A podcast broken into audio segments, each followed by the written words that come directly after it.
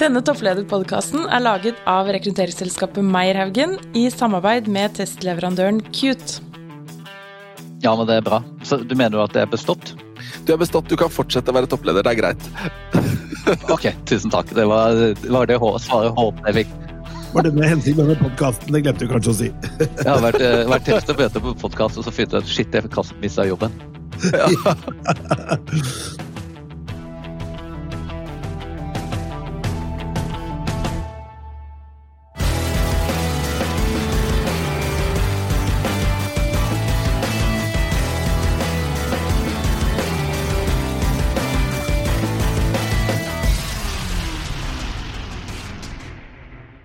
Ja, Sverre. I dag er vi så heldige at vi har med en veldig spennende gjest i studio.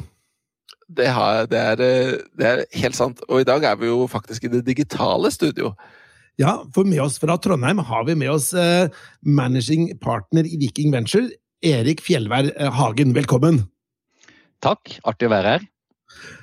Og det, eh, I dag så skal vi da prate om hvordan det er å være toppleder, men du jobber jo da i en veldig spesiell organisasjon. Eh, for dere er jo da hva skal vi si, et ventureselskap skal jo da på en måte passe på at andre selskaper gror og vokser og, og gjør det bra. Men, men, mer om det etterpå. Men Kan ikke du bare dra oss kjapt litt gjennom din bakgrunn? Ja, det kan jeg for så vidt gjøre. Jeg kan starte med å si at jeg er en forsvarsunge. så Jeg vokste opp på Andenes helt nord i Vesterålen, selv om det ikke høres sånn ut. og Jeg er født i Stavanger. Eh, så, eh, og bodde selvfølgelig mange år i Trondheim andre steder. Eh, så var store drømmen min bare å bli flyver i Forsvaret. Den røyk jo dessverre, så da ble det heller Siving Data på NTH.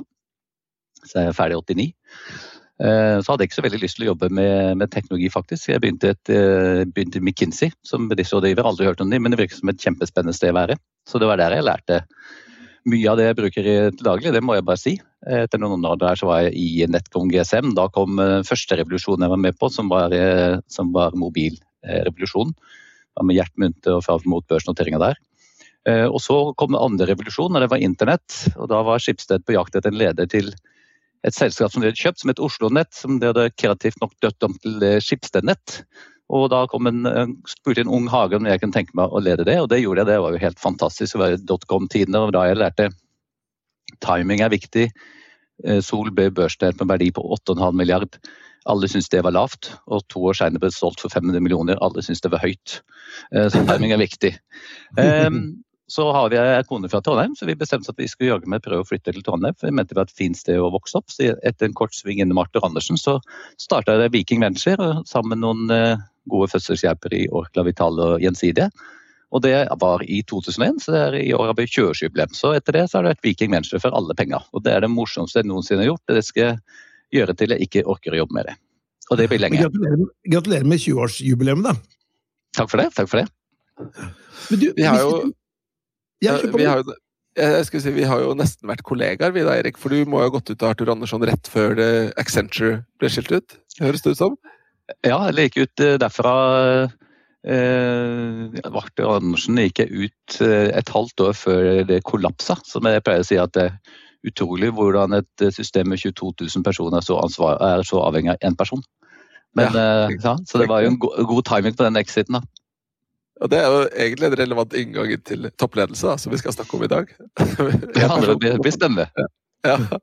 Men du, Erik, eh, spennende bakgrunn, men vi har lyst til å bli litt bedre kjent med deg sånn eh, privat, da, når du ikke er på jobb. Så hvis eh, vi to hadde truffet hverandre i en sosial sammenheng, da, og så hadde jeg sagt du Erik, hva tenker du om? Og så treffer jeg akkurat på favorittemaet ditt. Guilty pleasure, noe du kan prate om på inn- og utpust i timevis. Hva skulle det vært? Du, jeg er trompetist, så jeg er veldig glad i å spille trompet. Uh, og Det aller morsomste er å spille i storband, så det har jeg begynt med igjen. Etter de siste tre jeg har spilt i storband. Det syns jeg er kjempegøy. Da, da, kan du ikke tenke på noen ting som har med business å gjøre. Da er det bare å være der og da og rett og slett ha det skikkelig artig sammen med andre som forsøker å få til musikk. Det syns jeg er veldig artig. Så du er veldig musikalsk du da, åpenbart? Jeg, er veldig, håper jeg er litt musikalsk, så det, så det, jeg syns det er veldig gøy. Så det har såpass nivå at, eh, at, det ikke blir bare svette, men faktisk eh, hygge. Så det, det er artig. Hvor, hvor, kommer dette fra? Er det liksom Starta det med korps, eller hvor, det hvor begynte det? Ja, ja, det starta i Andenes skolekorps. Eh, da var jeg ti år gammel, og da begynte jeg med kornett. Ja. Jeg husker at uh, En av første opplevelsene der var første 17. mai. Da var det jo snøstorm på Andene, selvfølgelig. Vi var nå ute og spilte. og så fikk jeg ikke helt med meg at han foran meg stoppa, så jeg gikk jo rett i han med, mens jeg spilte og fikk et munnstykke i munnen. Så det var da jeg skjønte at uh, må også se opp fra notene, kan ikke bare se rett fram jeg, så noe, jeg, så noen morsomme bilder fra årets 17. mai, hvor det korps, korpsfolk så En som hadde gått med tuba, og så liksom blåste i tuba, så hørte du det bobla av vann i tubaen. For det regnet sånn. ja, for en gangs skyld var det fint vær her i Trondheim i 17. mai i år, da, så det var deilig. Når det er eh, mer enn fem grader og ikke regner, så er det jo en kjempe 17. mai i Trondheim. Ja, men Så bra. Men du, ja, ja. Eh, vi har jo altså disse tre kjappe. Ja, det er altså tre spørsmål som vi introduserer for deg nå, Erik. Og så får du ikke lov til å svare helt enda, men på slutten av opptaket så skal du få lov til å svare hva du tenker uti. Men nå får du tenke litt på det gjennom praten, da. Da får du prøve å holde deg, da. Ja, da får du prøve å holde deg. Det første spørsmålet er relatert til styreverv. Fordi jeg måtte jo snoke litt på LinkedIn-profilen din, og der, der, jo, der, ligger det jo ikke mindre enn 34 styreverv. Så du, jo, du har jo tydeligvis litt erfaring med styret. Så da har jeg lyst til å spørre om hva er det beste tipset du har til ledere som tenker at jeg kunne godt tenke meg å komme inn i et styre en gang? Så Det er spørsmål nummer én. Spørsmål nummer to det er, Nå jobber jo du med software og investering, eller, og softwareselskaper. og Da lurer jeg på hva er ditt beste tips til, til uh, toppledere hvis de skulle gått inn og sett på eller testet én softwareplattform? Hva slags tips kunne du gitt dem da? Og så har vi det tredje spørsmålet, og det er da sendt videre fra Jan Tore Sanner, finansministeren, som var forrige gjest. Og han lurer på Han vil gjerne høre neste leder reflektere over dette med bred rekruttering er viktig, og det å skape mangfold med ulike bakgrunner i organisasjonen. Eh, og det er mye snakk om det. Men hvordan kan man lykkes med mangfold? Hvordan kan man få det beste ut av en mangfoldig organisasjon når man først har den? Og det er da det siste spørsmålet. Og dere som da ja, ikke sant? Og dere som lytter på podkasten, kan også tenke på du, hva ville vi svart hvis vi var i Erik sitt sted? Men vi har tenkt å bare gå litt over til dette med Viking Venture, og åpenbart et uh, hva skal vi si, et ventureselskap. Men, men for de som ikke vet hva et ventureselskap er, Erik, kan ikke du fortelle hva er dere driver med? Det kan jeg gjøre. Hva er det jeg driver med? Eh, så eh, Vi har jo som alle sammen en historikk, så vi starter jo opp med, i, for 20 år siden med at vi så at det var jo ingen eh, venturemiljøer der aktive eiere i teknologiselskaper nord for Sinsenkrysset. Og så vet vi at det finnes mye teknologi nord for Sinsenkrysset. Teknologihovedstaden Trondheim er jo tross alt godt nord for Sinsenkrysset. Så vi fant ut ok, men la oss lage et venturemiljø, og så starter vi her i Trondheim. Så det var starten. Og så har, vi, så har det skjedd mye siden det. Så for åtte år siden så satte vi oss ned og så på ok, hva har vi nå lært, og hva skal vi fokusere på videre? Og Da fant vi ut at det er bare én ting vi skal gjøre, og det er å investere i business-to-business-programmer og selskaper. Altså selskaper som selger til, eh, til andre eh, selskaper eller til offentlige. Og som en vekstfase, det, og det vil få oss i 40 millioner i omsetning oppover. og vi skulle kunne gjøre det. Og det har vi gjort, og det har blitt fantastisk bra. Så vi har investert i over 30 programvareselskaper i Norden.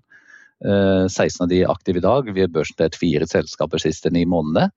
Og faktisk da blitt den ledende nordiske business-to-business-programmerinvestoren ut fra Trondheim. Og det er vi ganske stolte av, faktisk. Syns vi er veldig morsomt at vi har fått til. Og så skal vi bare fortsette å være best eh, og være størst. Så vi har investert en to milliarder i sånne selskaper de siste fire åra. Eh, og jobber da aktivt med selskapene. Og da går vi inn i styret vi fokuserer veldig mye på forretningsmodell og, og, prising. Eh, vi fokuserer på å bygge skalerbare salgsprosesser. Rekruttering av egne folk som jobber med, jeg vet dere har møtt noen av de. Eh, og så er det selvfølgelig mye på oppkjøp. Eh, og så jobber vi med finansiering og med exit. Det er de fire områdene. Og så har vi bygd Europas beste community for programvareselskapet, hvor vi sørger for at ja, hvis du leder for de som driver med nysalg i et selskap, at du blir godt kjent med alle de andre som gjør det, sånn at du kan utveksle erfaring på tvers. Og der har jo covid-19 gjort at vi nå gjør det digitalt, og det fungerer jo bedre enn noensinne. Eh, og så har vi selvfølgelig masse kopier vi følger på tvers. Så vi er veldig aktive. Vi er minoritetsinvestor, så vi skal ikke ha en majoritet. Eh, og vi er veldig investor, vi er veldig aksjonærvennlige, så vi har akkurat samme aksjer som alle andre. Men vi har lyst til å brette opp ermene og jobbe som minoritetsinvestor. Hvor vi typisk går inn som styremedlem og styreleder i de selskapene vi investerer i. Ja, men mm mange selskaper. Du sa 30 selskaper. Eh, er det noen du tror kanskje folk har hørt om, eller? Ja, det det kommer jo an på hvor nerd du er i forhold til programvare, selvfølgelig. Så, eh, men eh, jeg tror at de som er kanskje av de mest kjente nå, de vi har børsnett, sånn som Mercell, som mange kjenner, som er eh, det stedet hvor du, hvis du eh, skal eh, levere til offentlig og finne ut hvilke anbud som gjelder, så er det Mercell som gjelder. Og nå kjøpte hun et selskap i Finland, så nå er vi markedsledende i både Norge, Sverige, Danmark og Finland, og på god vei ut i Europa og USA. Så det er vel kanskje en av de mest, mest kjente. Er, I og med at vi er business til business, så er det ikke så er det ikke så mange sånne, det er ikke Spotify eller sånne ting vi holder på med. Det overlater vi til Northson og Grandum, som er superflinke på akkurat eh, det. Ja. Eh, Polite er det mange som følger med på, det kan vi nevne. Det er jo ikke et business to business-programselskap. Et vi hadde tidligere, det er jo det er jo linser for mobiltelefon og sånt, og det kan jo bli skikkelig stort, og det kan ikke bli fullt så stort. Men veldig veldig spennende fremdeles i tidlig fase. Men mange følger med det. Det er mye tradere som, som bruker det som aksje. Ja, og så er det House of Control, da, som er, uh, har mye spennende løsninger i forhold til alt avtaleverk og hvordan man skal systematisere det. Ja, House of Control er et uh, kjempespennende selskap. og Kanskje annerledes på en måte at det er jo en veldig tung kommersiell uh, organisasjon. Uh, og så har de et veldig godt produkt, men de starter med det kommersielle med Lasse og co. Så det, det er jo litt sånn annerledes inngang til et programselskap som også har blitt veldig bra. Det du kan si om selskapene våre generelt som gjør at det, skiller seg litt ut, kanskje. At det er typisk er team som har starta av null og niks, fått et problem, lagd en programvare og så fått kundene sine til å betale, uh, betale utviklinga. Så de har liksom ikke De har ikke fått pøst på masse penger hos seg, men uh, jobba jevnt og systematisk. Og kanskje etter 10-15-20 år sett oi, nå har vi faktisk fått noe veldig bra, hva er neste steg? Og da er det typisk at Viking kan være en veldig god partner på, på å være med å løfte de videre. Mm. Men det er et kjapt spørsmål, Erik. La oss si at, at uh, Hvordan er en sånn typisk sånn prosess for dere? da? Du, dere tenker at uh, Er det dere som velger ut selskapene, eller kommer de til dere? Eller, og igjen også, måte, hva, hva, slags, uh, hva er suksesskriteriene, og hva er det dere ser etter, om, om det er en keeper eller en, noe dere ikke skal bruke tid på? Ja, nei, det, er, det, der er veldig gode spørsmål. Det er jo en fordel med å ha mista hår og blitt litt eldre, at en eh, etter hvert bygger opp et ganske stort nettverk. og Nå er vi et team på 17 stykker eh, som holdt til her i Trondheim, eller det sier 16 i Trondheim og 1 i Los Angeles. Um, og Dealflow er jo en av de som er nøklene for å være en god investor. det er om å gjøre, altså Konseptet som investor er alltid ganske enkelt. Det er å kjøpe billig og selge dyrt. Så har du tjent penger i mellomtida. Og, og hvis du skal selge dyrt, så må du lage godt selskap. og Det er der vi fokuserer selvfølgelig på å jobbe veldig mye med, med selskapene på at det blir veldig bra.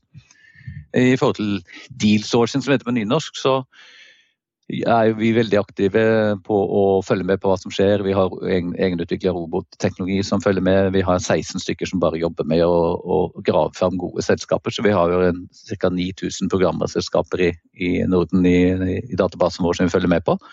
Og så handler det veldig mye om å ta kontakt med de vi tror kan være spennende for. Er det, er det noe som er spennende for oss? Hvis det er det, bli kjent med de og forhåpentligvis få en god kjemi hvor de ser at vi kan være en, en god partner for de og vite litt hva som lurer rundt neste sving.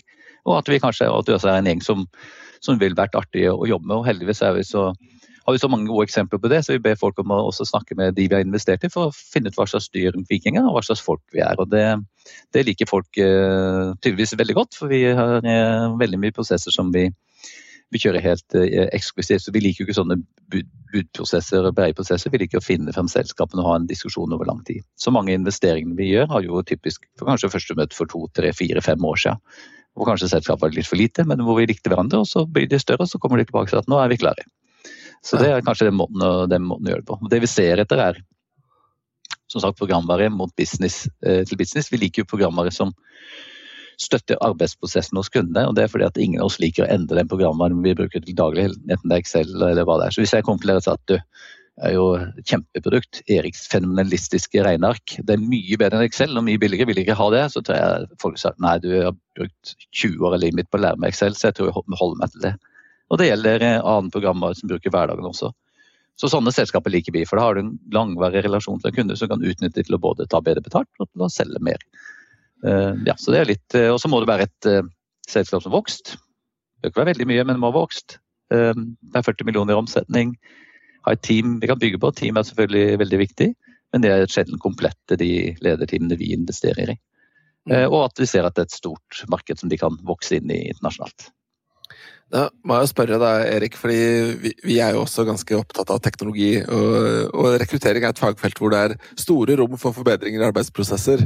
På, ja. på, mange, på mange, måter, egentlig. På denne lista di, da, denne lange lista over potensielle selskaper, er det noe innafor rekruttering? For der, der, er det behov for et løft.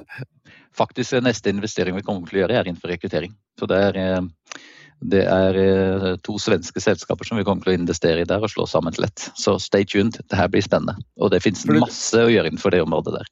Og du kan ikke si noe mer om hva det er? I could tell you, but then I have to kill you. Så eh, nei, du får, eh, du får følge med, så skal du få vite ja, det... den investeringa er gjort. Ja, det er spennende. Det er spennende. Men du, jeg tenker at uh, jeg hørte, jeg pratet med andre folk som jobber i Inventure, da, så, så sier de at uh, jo, uh, en god idé det er selvfølgelig viktig. Men gode ideer er overrated. Det er på en måte folka bak, og gjennomføringsevnen til de folka, det er der man putter pengene. Hva tenker du om en sånn påstand? Ja, det er riktig. Og så er det det fine med å være vi har gjort mye tidligfaseinvesteringer, noen av dem blir helt fantastiske. Så, men eh, når vi gjør med litt sånn senere fase som vi gjør, så, så, kan du også se på hva de folkene har fått til. Eh, og det er jo veldig viktig for oss å se. Det, det, du kan si mye rart om hvem det er, og sånt, men se nå hva de har fått til. Og hvis, og hvis du har vokst, klart å vokse og du har klart å få det fine kunder, så da vet du at du har et godt produkt. Ellers hadde de, kunne aldri valgt deg som en bitte liten aktør. Um, og Klarer du å selge, så må det jo typisk være noe som, som gjør at, du, at kundene syns er attraktivt. Og så snakker vi med kundene for å forstå ja, liker de og hvordan tenker de om din, din organisasjon. og Det sier også veldig mye om, om deg som leder. altså Har du klart å skape en organisasjon som kundene dine elsker, så, så har du gjort noe veldig godt som leder. Så Det gjør jobben vår litt lettere enn for de som driver med tidligfase, som skal, som skal eh, bare ta utgangspunkt i det. Så ja, det er eh, vanvittig mye arbeid mellom å ha det og ha et selskap som omsetter for 40 millioner kroner, f.eks. Det er ja. all respekt til de som får til det. og da med, uten gode folk så får du det ikke til. Så enkelt er det. Mm. Men hvis du da f.eks. skulle sett litt på dette med, med igjen videre på disse suksesskriteriene. Er, Og, og dere har da en grundig gjennomgang av måte, bakgrunnen til disse personene. Og så går da dere inn med både penger og know-how. Og så skal dere selvfølgelig ha en return on investment på det. Uh, kan du si litt mer om hvordan er businessmodellen deres? Vår forretningsmodell? Ja, ja fra Vikings side. Den er egentlig veldig ja. enkel. For, vi, eh, for åtte år siden så slutta vi med fond. Så nå, nå etablerer vi et holdningsselskap per investering, som er private investorer som er med i. Eh, så det har blitt to milliarder over de siste åtte åra. 80 er allerede betalt tilbake. Eh, så det vi gjør, eh, Hvis vi gjør en investering på 100 millioner, så legger vi på 15% på toppen. og Det dekker alt arbeidet vi har gjort før, under og etter investeringa. Så da blir den SPV-en, som vi kaller det, den, eh, det holdningsselskapet på 115 millioner.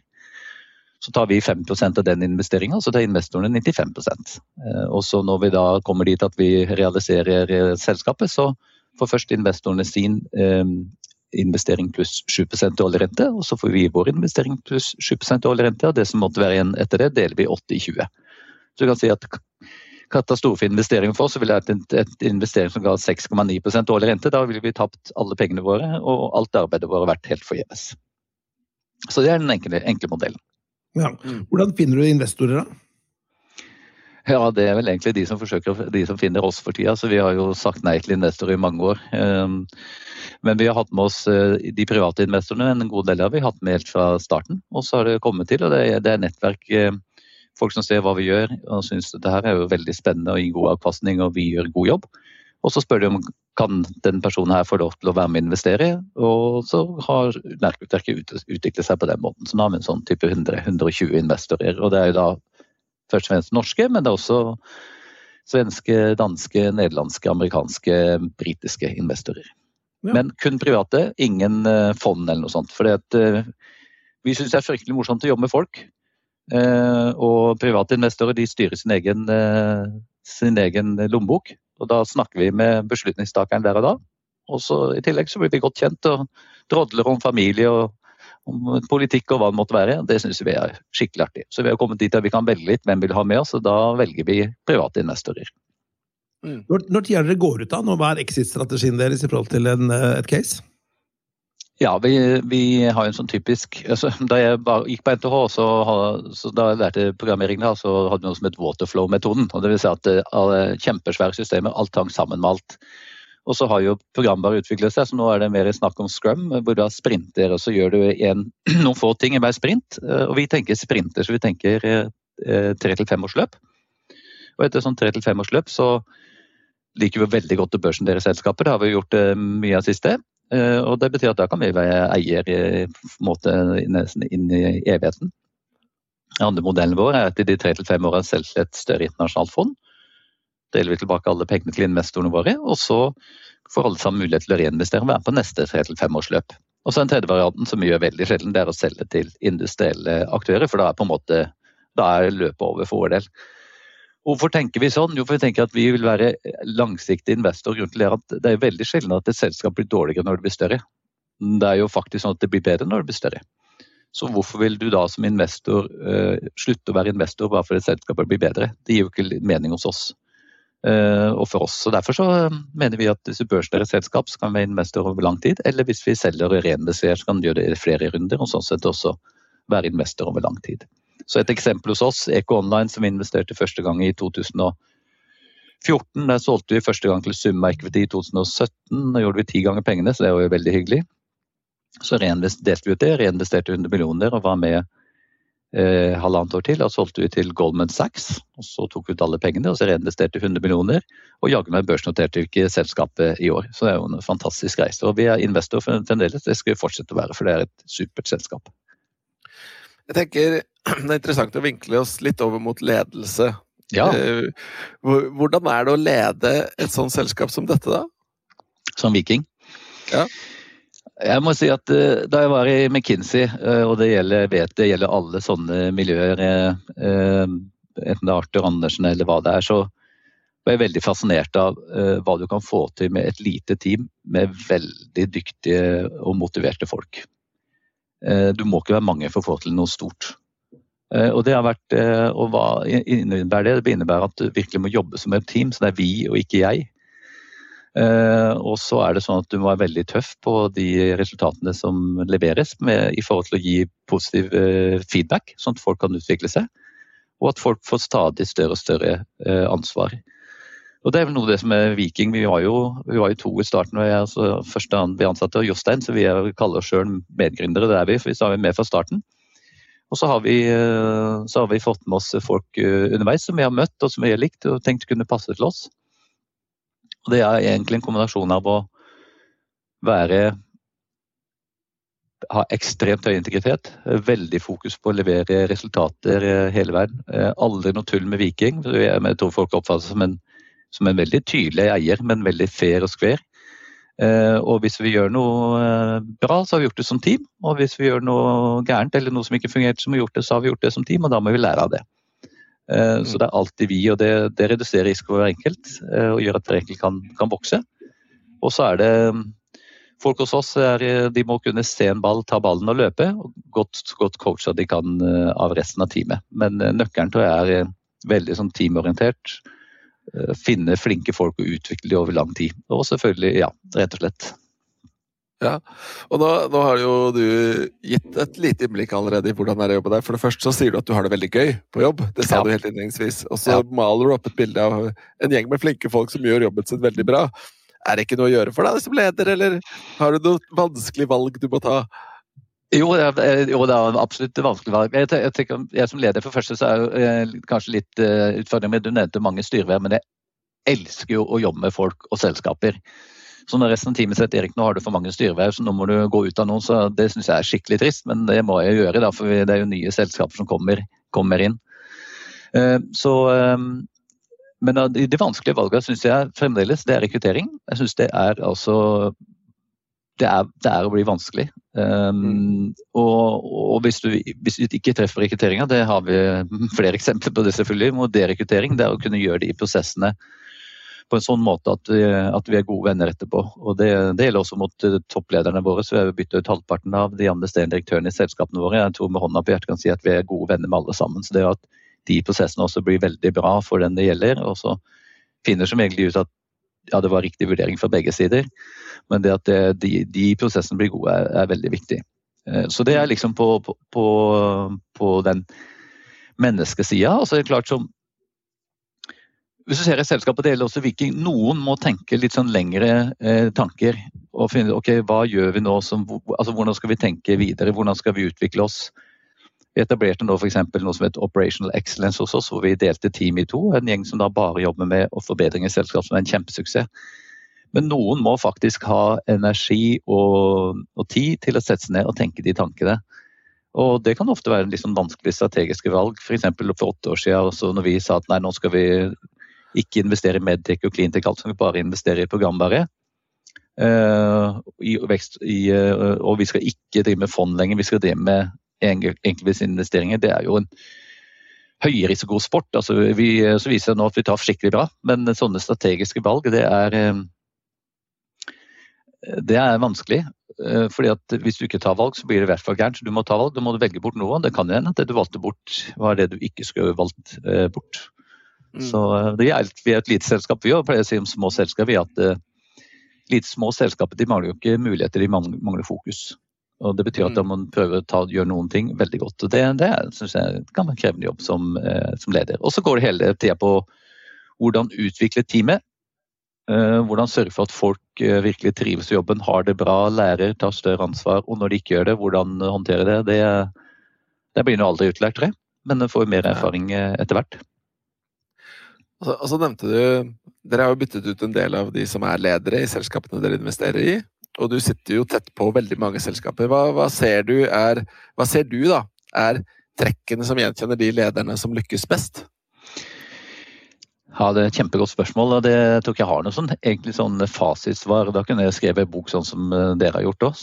Um, eh, det som er litt sånn eh, spennende for oss først, Vi investerer bare i et selskap hvis vi har tro på hun eller han lederen som er der. Så vi er ikke en sånn turnaround-investor. Så vi er ikke sånn investerer i selskap, skal vi kaste ledelsen.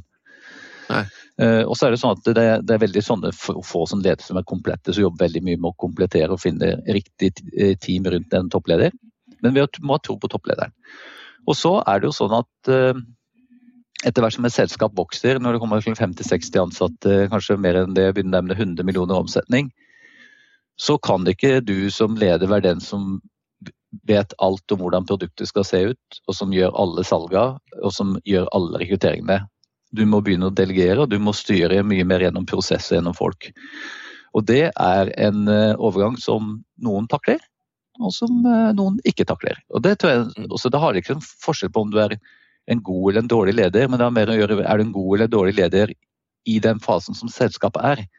Så når mm. vi investerer i starten, så er det jo veldig sjelden at vi finner dårlige ledere. Det hender jo at vi finner en par tilfeller hvor det, viser at det ikke var gode ledere som er ut, men ellers er det mer knyttet til at selskapet blir så stort, og det kommer inn i et område det alltid har vært.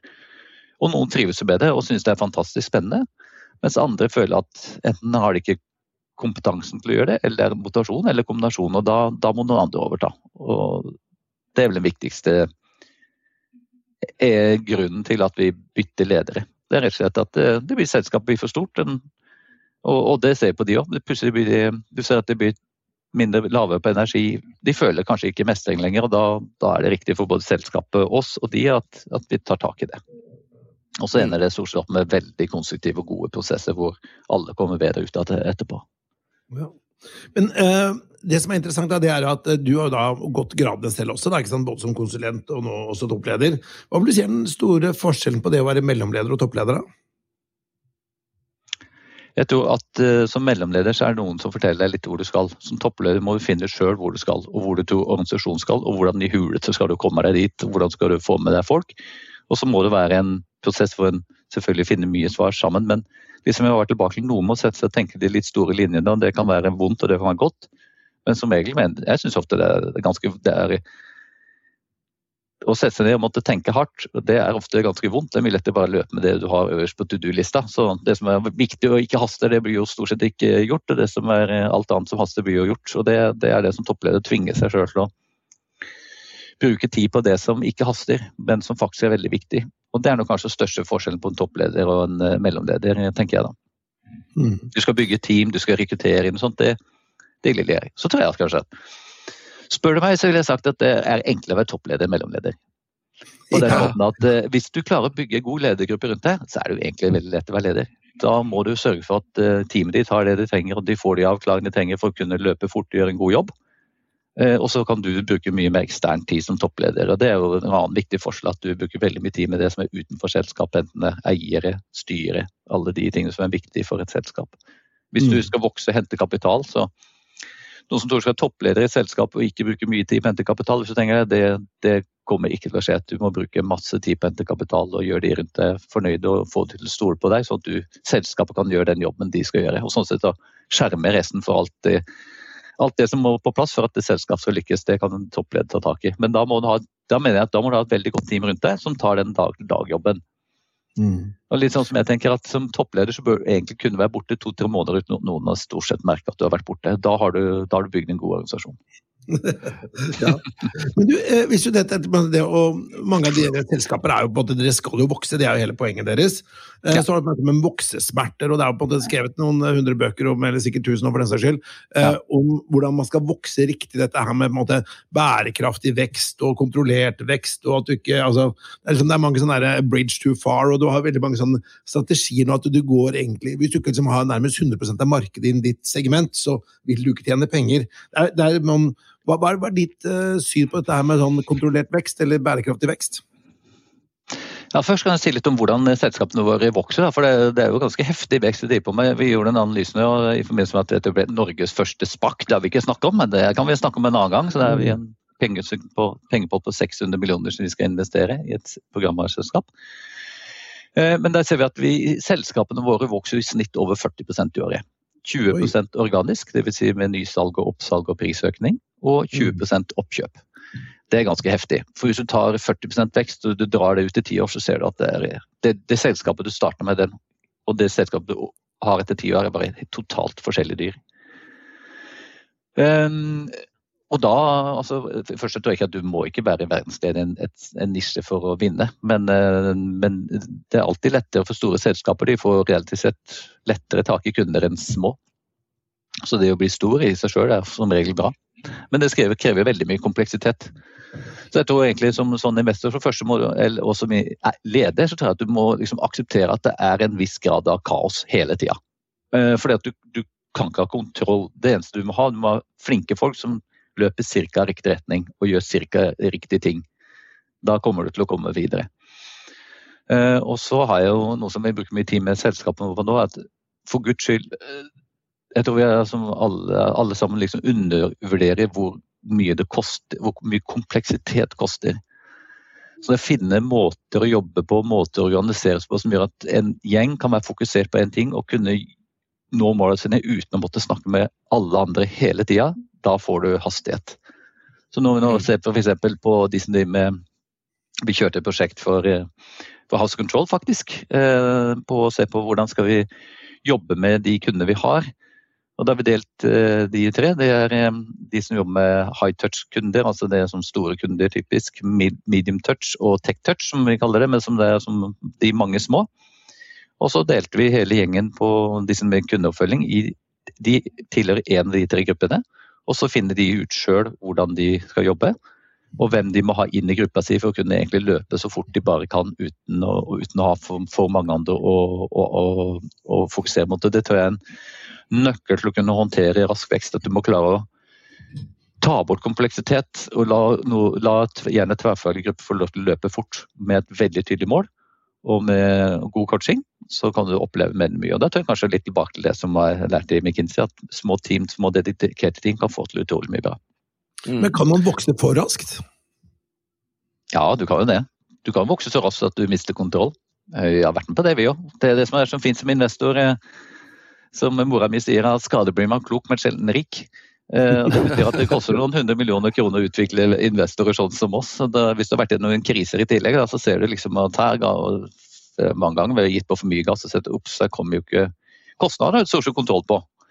De når budsjettet, men kanskje inntektene det har du mye mindre kontroll på. og så klarte du kostnadsbudsjettet, men du klarte ikke inntektsbudsjettet, og så shit, satt du og hadde plutselig kapitalbehov. Og så må du eh, ned med kostnadene og gå til investoren og si at beklager, men eh, det her gikk ikke akkurat som vi trodde, så vi trenger mer kapital.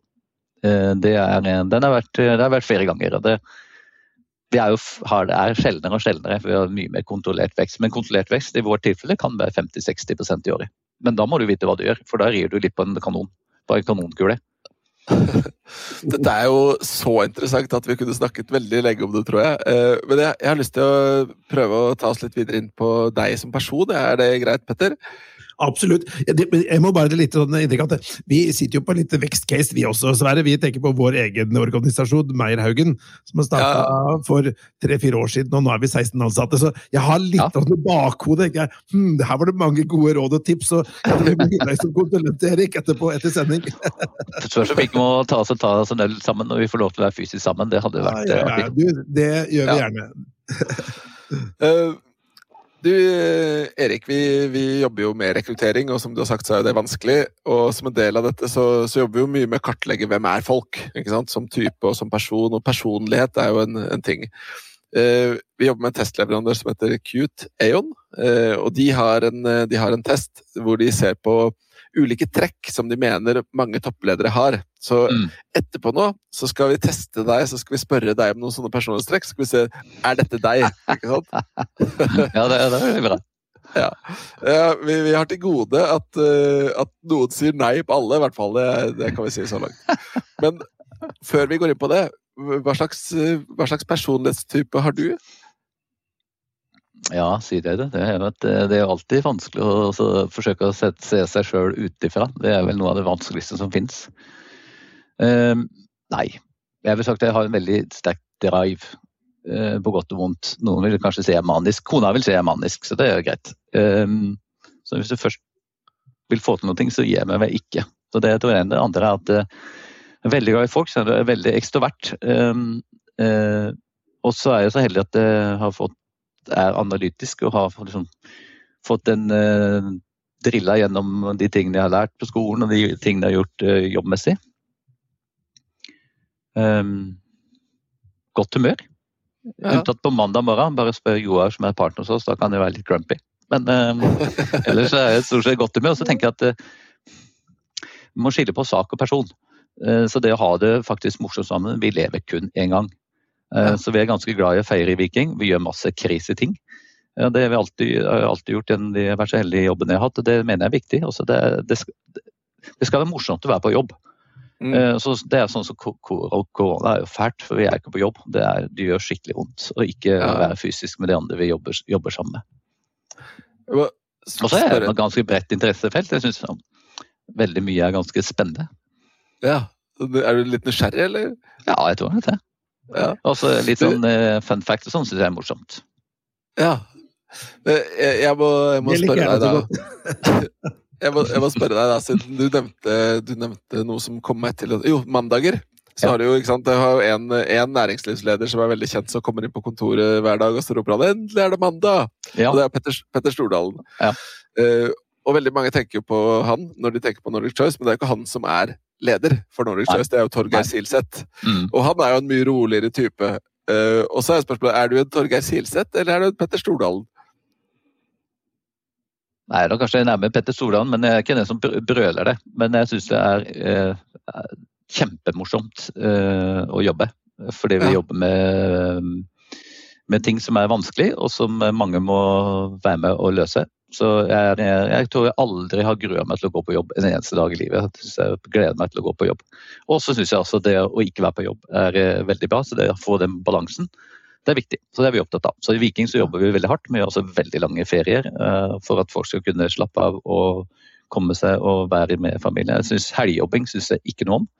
Det blir jo lite av dessverre. Jeg syns det er lite, kona syns det er mye mer. Men, uh, men i hvert fall folk som er sånn småbarnssituasjon så må de, ha, de må få fleksibilitet i hverdagen. Og de må få, helge, få, lov til å gjøre andre ting i helgene, og de må få ferier sånn at de kan ha hele liv. Uh, og folk hos oss er, eh, vi jobber sammen i ja, vi jobber sammen i 20 år.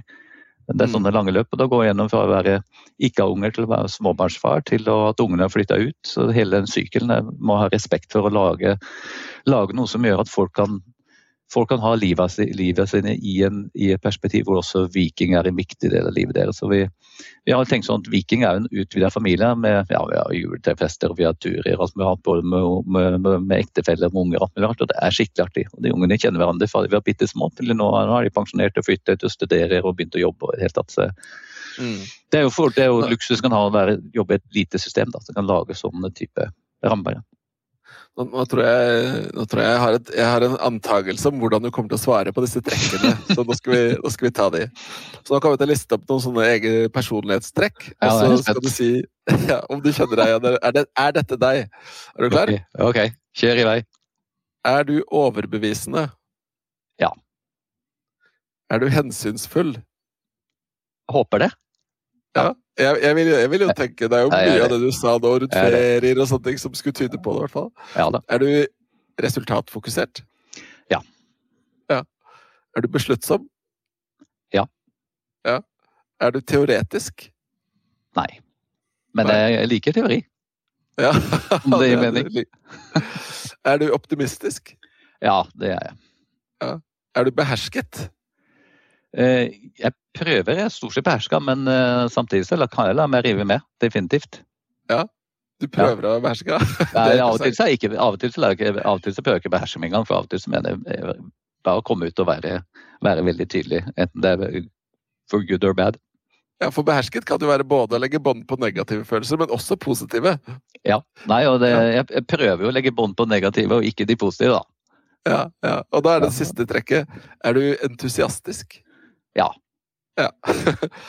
og eh, jeg tror dette her er Dette er ganske likt, hvis jeg ser på de 49 intervjuene vi har hatt før deg, da, så tror jeg det er ganske likt det som er den vanligste svarraten. da, Som er å sjekke av på veldig mange. Og så er det da særlig på hensynsfull, så er det ganske mange som sier 'jeg håper det', fordi man er alltid litt utrygg på det. Også på teoretisk er det litt flere som sier nei, eller vet ikke, eller kanskje. Det kommer litt an på. Og også samme på behersket, så er det sånn eh, Da svarer man med et lite formål, akkurat som deg. Så det høres ut som du sjekker av på Cute sin, uh, Cute sin modell her, eh, Erik. Ja, men det er bra. Så du mener jo at det er bestått? Du er bestått, du kan fortsette å være toppleder. Det er greit. Okay, tusen takk. Det var, det var det svaret Var denne hensikten med denne podkasten? Det glemte du kanskje å si. Jeg har vært, vært til å møte på podkast og så funnet ut shit, jeg mista jobben. Ja. du, jeg tenkte vi skulle gå over til disse tre kjappe igjen, da. Ja. Og nå har du fått tid til å tenke litt, da, Erik. Eh, ja. Og det første spørsmålet, det er jo Som vi snakket om, så har du jo mye styreverv. Eh, og det er mange som jobber med ledelse som, som ikke har det, og mange som lurer på det. Det kunne jeg godt tenke meg. Hva er ditt beste tips hvis man sitter og har lyst til å komme seg inn i et styre? Kom ut av skapet, holdt jeg på å si.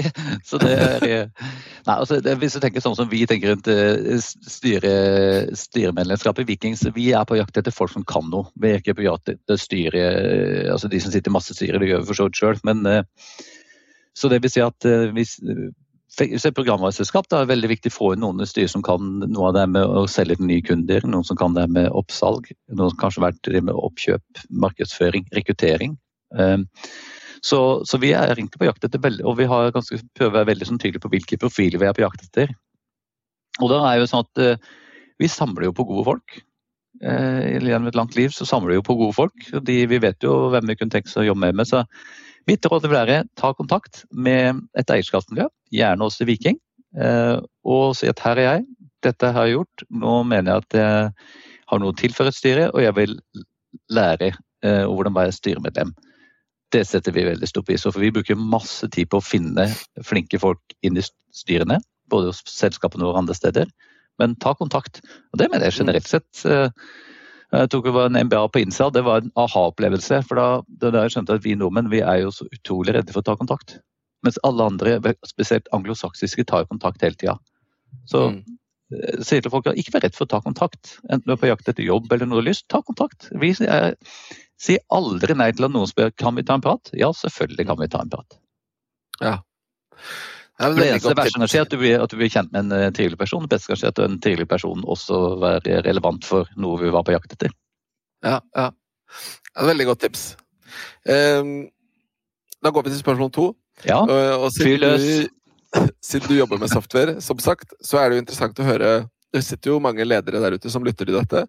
Hvis du hadde hatt ett tips til en type softwareplattform eller lignende som de burde teste ut, enten det var for egen eh, effektivitet eller forretningsøyemed eller noe annet, hva, hva, slags tips eh, ville du gitt da? Får jeg lov til å komme med to, eller? Du kan få lov til å komme med to, det er greit. Et, et personlig, et sånn, litt mer sånn jobbmessig. Ja, det er bra. Så jeg er jo uh, veldig glad i sånn to do-lister, det tror jeg mange av oss er. Og så hadde McKinsey husker vi hadde sånne, fla, sånne smale bøker, for det var kjempebra å lage to do-lister. Og så kom litt den digitale, og da ble, det som skjedde da, var at en to do-lista var aldri der hvor jeg var. Så ble det masse to do-lister. Så jeg syns egentlig den beste sånn, eh, beste sånn personlige det er rett og slett eh, den f.eks. Microsoft To Do. Den bruker jeg mye og bruker til å organisere livet mitt. Og så er det fantastisk, for da kan du også legge inn hva skal handles, og så kan du gå og handle samtidig. Eller den som er tilfeldigvis i butikken handler. Så den funker jo veldig bra sånn på fritida også. Ja. Så det er en app som er sånne ting, det, det syns jeg er veldig bra. For det er to do-lista der alltid, og så får du, får du liksom gleden av å stryke noe av lista. Det er jo en av de beste følelsene som finnes. Um, og, ja, så det var den personlige. Ja. Og jeg må kommentere på den, da, fordi jeg er også fan av den. Og jeg bruker også Microsoft sin, eh, ja. siden jeg da kan synke den inn på telefon og på ja. tablets og alt mulig rart. Vi lar oss lure, vet du. Ja, og så er jo utfordringen ofte at den der to do-lista blir jo av og til fryktelig, fryktelig lang. Eh, mm. Så for meg var det en øyeåpner når jeg da etter hvert eh, kom inn på liksom en vane å legge dato så jeg kan liksom gruppe, sortere det ut over tid, og plutselig så blir det håndterbart. da. Ja. Og den der getting things done-metodikken med å ha én innboks, én to do-liste, det tror jeg veldig på. Det er et godt tips. Ja, da er du til og med litt mer avansert bruker meg. Jeg må finne ut av det med datogreiene. Kanskje vi, må, vi får diskutere det når vi møtes til denne ølen, så får du vise meg hvordan, det, hvordan jeg gjør det. ja, ja, helt klart. Nei, det er veldig bra. Så den ene. Og den andre må jeg si at vi har gjennomført i alle selskapene våre. og det er eh, et system for, eh, for hjelp til rekrutteringsprosesser. Eh, og vi bruker da Team Taylor, det finnes jo mange av de, men det har altså vært en øyeåpner for både oss og selskapene våre. For de har ja. kontroll på alle kandidatene som kommer inn. Sørg for at du behandler de riktig, sånn at alle sammen får et veldig profesjonelt eh, inntrykk av selskapet ditt, uansett om de blir ansatt eller ikke. Og for å, og for å ha kontroll på interne prosessene er Team Taylor sånn, det funker kjempebra. Og det har vi også innført på alle selskapene i porteføljen. Da kan vi hjelpe alle med å rekruttere på tvers av porteføljen. Så, ja, det er veldig smart. Nei, veldig det, er, det ville vært mitt tips eh, til toppledere. Få inn et sånt system fort som fy, for det, rekrutteringen kommer til å både bli raskere, bedre eh, og billigere. Ja. Og, og, vi har ikke investert i noen sånne, så det, jeg sier helt ut fra det. Og vi ikke investerer i Team Taylor, skulle gjerne vært det, men det er en av de selskapene vi ikke kom inn i. Ja, vi har prøvd. Vi har ikke gitt opp. Har ikke gitt opp. men, eh, men vi, vi, kjenner jo mange av disse rekrutteringssystemene, og vi, også, vi, kjenner også Team Taylor veldig godt. Og det er et veldig bra system. Eh, og for oss så er eh, en av hovedgrunnene til at vi ikke valgte dem, er jo at vi jobber også mye med offentlig sektor. Ja. Og der er det ikke støtte, for der må, det er jo et svensk system, Team Taylor. Ja. Og vi trenger den metode, rammeverket som handler om offentlige søkelister og sånne ting, som ikke ja ja. ofte er i disse utenlandske systemene. Det er litt sånn ja. særnorsk. Ja. ja. Nei, så, men glem teamtailing, men et sånn type system, det, mm. det, tror jeg alle har eh, veldig godt av. Det tror jeg vi kan applaudere, Petter. Absolutt.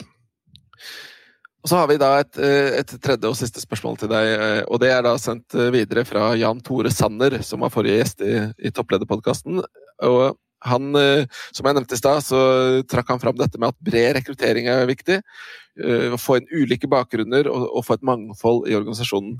Men når man først har det, hvordan kan man lykkes med mangfold? Hvordan kan man få mest mulig ut av det? Som er et veldig godt spørsmål som jeg er spent på å høre deg reflektere over, Erik. Ja, Jan Tore Sanne er en klok mann, og det er et godt spørsmål. Jeg, tror i hvert fall for sånne som oss, da, eh, jeg har mistanke om at vi er sånne typer alle tre her, at vi kanskje innse at vi har to ører og én munn.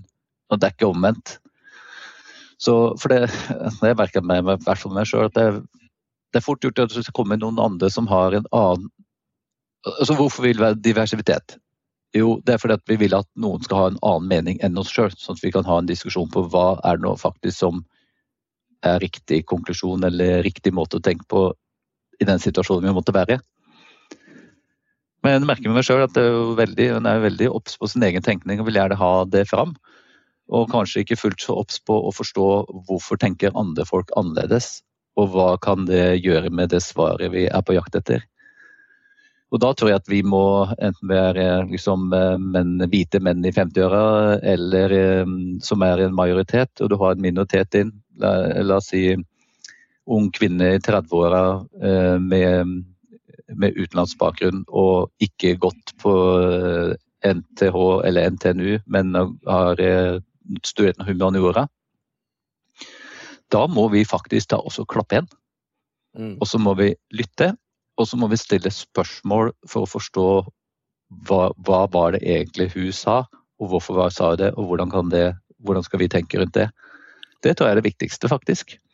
At vi, må, vi, må gi, vi, må, gi, de minoritetene rom til å komme med det de har av verdi. Og da tror jeg det blir, da blir det jo kjempebra. Det ser vi jo gang etter mm. gang etter gang. Men altså, vi mannfolk, ta meg sjøl, altfor eh, alt for flink til å snakke og ta ordet altfor tidlig, og altfor dårlig til å lytte fremdeles. Og Det kommer, må, må, vi prøve med å jobbe med alle sammen. Eh, og Da tror jeg vi kan få mest ut av det med mangfold. For da ja. kan vi bruke nok tid til å skjønne få, et mer komplett bilde. da, det, det, det, er jo hele grunnen til at vi har mangfold. Vi har mye mer komplett bilde som vi kan bruke til beslutningsgrunnlag, eller hva vi måte, mm. eller policies eller politikk, eller hva vi måtte ønske å få ut av det så, så, er det jo interessant å stille seg spørsmål, fordi man kan jo gå i seg selv, ikke sant, som du sier, og, og være, øve seg på å ha de to ørene og den ene munnen. Men, men, et annet interessant spørsmål er jo hvordan kan man som leder bygge strukturer som ivaretar eller støtter opp om eller nudger til at mm. folk gjør det? For det er jo, det er jo en interessant eh, problemstilling. Ja, og der er litt, Vi har jo for eksempel, eh, vi, hadde jo, vi har jobbet med diversitet i Viking, og det første vi har sagt at ok, vi er jo altfor mye menn og altfor få kvinner. så liksom, La oss ta tak i det først, og så har vi masse annet vi skal jobbe med. Så Vi har satt oss mål på hvor stor andel som skal være kvinner skal være i styrene våre over tid. Det må bygge opp i det små som bygger opp. Med, og det bør være minst 40 av hvert kjønn. Eh, det andre vi har sagt, ok, eh, hvordan hva med oss, da? Hvor stor andel skal være av hvert kjønn hos oss? Eh, og det sier noe om hvor vi må bruke tid på å finne flinke folk. Og der har vi funnet flere flinke kvinner siste året, har vært eh, kjempebra. Eh, vi stiller, kommer til å stille krav til rådgiverne våre. Du kan ikke være ABG og komme bare mannfolk til oss. Så vi må bruke det vi kan på, på å, å dra det. Og da tenker jeg litt sånn at I forhold til å lage strukturer, så det er alltid veldig vanskelig å være liksom som vi tenker Én er én og to er et team. Det er, alltid, det er alltid vanskelig å være alene. Men med en gang du har noen andre som er litt typisk samme så er det i hvert fall et team. Så, så, for oss har det vært viktig å, at vi får ikke bare én kvinne, men hvis vi får inn to jenter, damer, kvinner, så er det også lettere. Ja, den grunn, for da har, de noen, da har de i hvert fall noen som kan dele felles, eh, felles skjebne, felles trøst med. Så jeg tror det at man må må forsøke å få nok tyngde innen alle de eh, minoritetene som vi mm. trenger for at det her skal bli et både godt samfunn og gode selskaper. Ehm, det er jeg veldig tro på, da. Og et interessant uh, funn da, fra rekruttering rundt det, det er jo uh, det man ser når man har gjort studier på det, det er at hvis du har en shortlist med kandidater til en stilling, og det er én kvinne på listen, så, mm. versus om det er to kvinner på listen, hvis vi ser på kjønn, da, som er ett et aspekt av mangfold, så det øyeblikket det er to, enten det er kvinner eller minoritetsbakgrunn eller hva det er, så øker sjansen for at en av de kommer gjennom. Da. Så det har, det har noe å si dette med at, at det ikke bare er den ene, da. Ja, ellers må jeg si at Det er jo også selve rekrutteringsprosessen. Der tror jeg vi har mye å lære fremdeles. Vet, hvis, du, hvis Symfoniorkesteret, når, de, uh, når de gjør audition der, så spiller du bak et teppe. Så ingen får se hvem du er.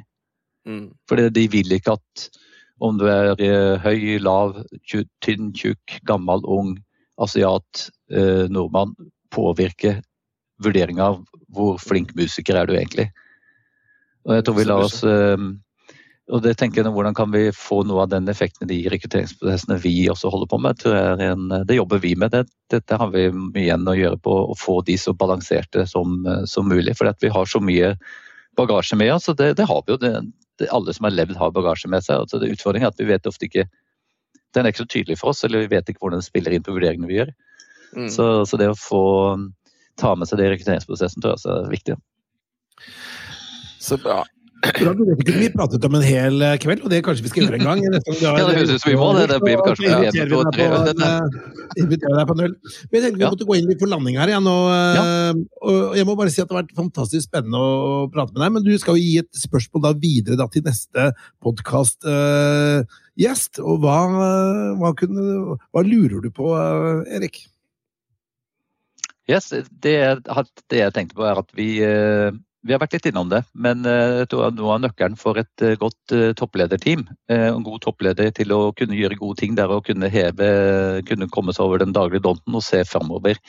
Så det spørsmålet jeg har er jo hvordan får du som toppleder ei toppledergruppe til å bruke nok tid på å tenke langsiktig, og hvordan skal den jobbe sammen for å få til det? Oh, spennende, spennende. Det er veldig spørsmål. Det tror jeg vi også gleder oss til å høre svaret på. Ja, det lurer jeg på. Ja, jeg må, så må jeg høre på neste podkast deres, jeg får høre svaret, da. Så det, ja, det, det er jo et must. Ja, det må du. Nei, men Erik, jeg må bare si tusen hjertelig takk for at du tok deg tid til å prate med oss. Eh, spennende jobb du har. og Jeg syns mange av de refleksjonene du har, er eh, er veldig relevante for mange selskaper ute, og ikke minst for oss, eh, Sverre. Vi er sånn typisk vekstcase, vi. Så eh, vi eh, Jeg, jeg, jeg hadde sittet og notert her mens du har pratet, Erik. Men jeg syns takk til deg, og så tenker jeg vi bare ønsker deg lykke til videre. Tusen takk, gutter. Det var skikkelig artig å, være med, og deilig å få sånne spørsmål som må reflektere ut. Det er en måte å lære på. Så tusen takk. Har du innspill eller kommentarer til denne podkasten, kan du sende en e-post til toppleder at meierhaugen.no.